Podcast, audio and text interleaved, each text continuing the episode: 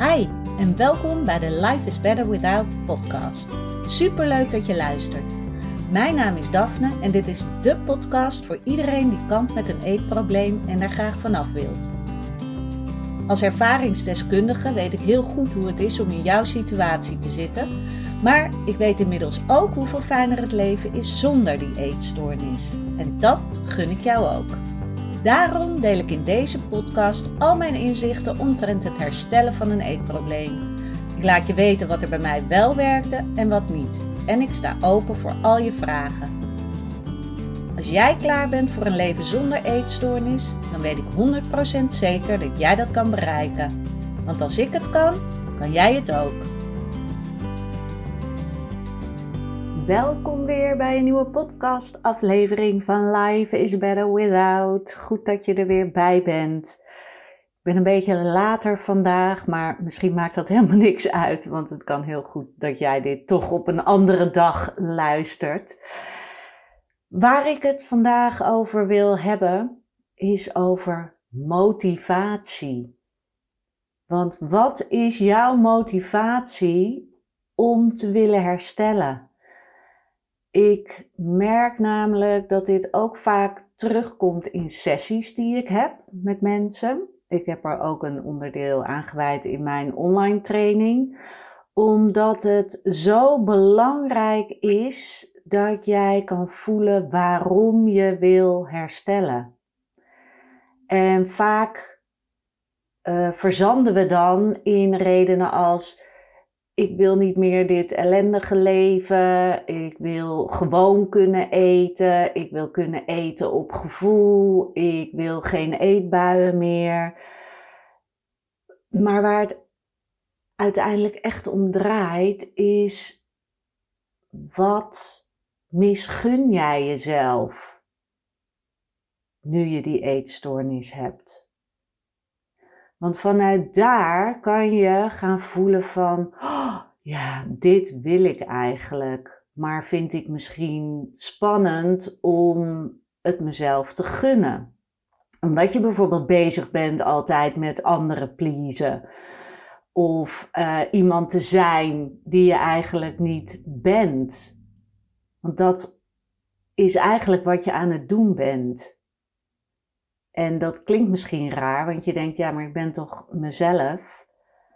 Alleen, je probeert een beeld uh, wat je in je hoofd hebt, probeer je na te streven.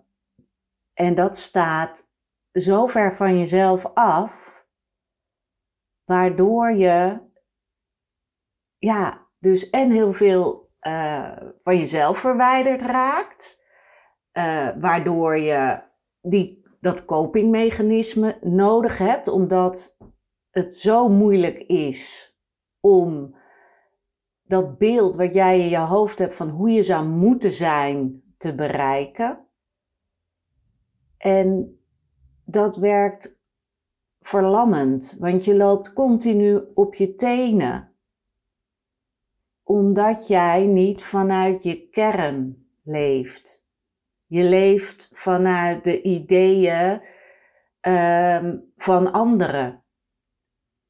En het bizarre is dat anderen dat ook weer doen. Dus waar doen we het eigenlijk allemaal voor? Dat is dan meteen weer een hele existentiële levensvraag. Maar zo kan je er wel naar kijken.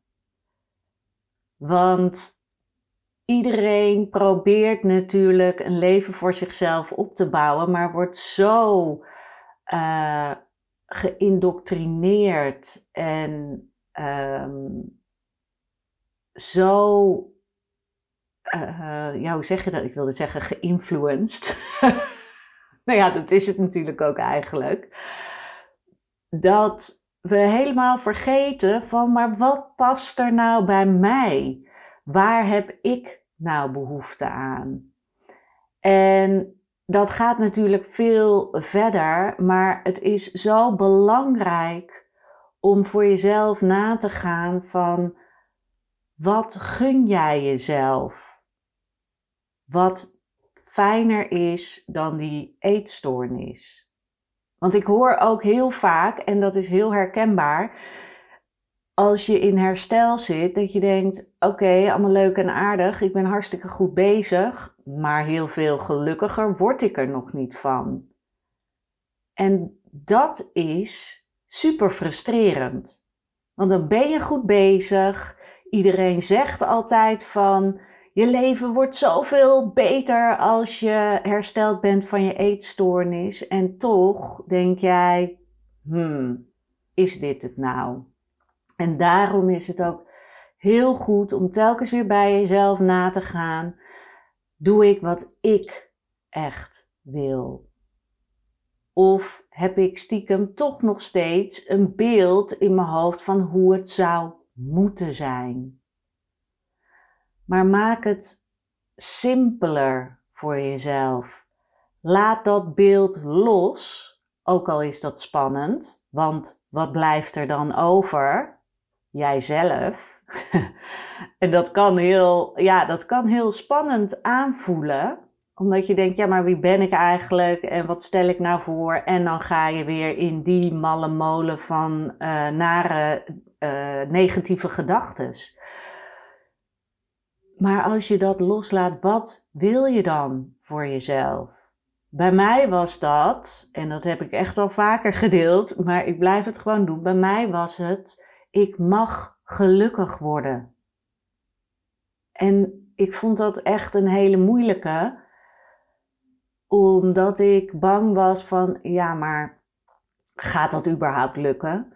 Uh, maar ook, is dat niet te hoog gegrepen? Mag, mag ik dat mogen? Zo van, ik was altijd bezig met inderdaad heel veel met anderen in plaats van met mijn eigen geluk. En ik had wel altijd in mijn hoofd van ja, ik wil gewoon gelukkig worden, maar ik voelde het niet echt dat ik mezelf dat gunde.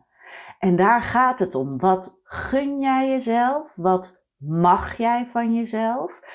En ga daar helemaal in zitten. Ga die echt voelen. Hoe zou dat zijn als jij gelukkig mag zijn? En Geluk is voor iedereen wat anders. Maar je zou ook bijvoorbeeld kunnen zeggen: Ik mag mezelf leuk vinden. Ook een hele spannende. Maar hoe zou dat zijn als je dat gewoon zou mogen vinden? Dan verdwijnen er al heel veel problemen als jij dat daadwerkelijk mag.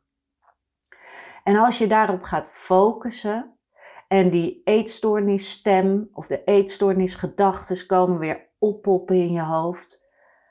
Dan heb je iets duidelijks om als het ware terug te zeggen. Dus als jij wordt teruggeroepen in je eetstoornis, kan je op zo'n moment zeggen: Ik heb je gehoord, maar ik wil dit niet meer. Ik mag mezelf oké vinden. Want vaak is die eetstoornisstem, die gedachten die opkomen, zijn zo plotseling dat het heel moeilijk is om daartegen in te gaan. Je bent er bijna niet op voorbereid, want poef, daar zijn ze weer.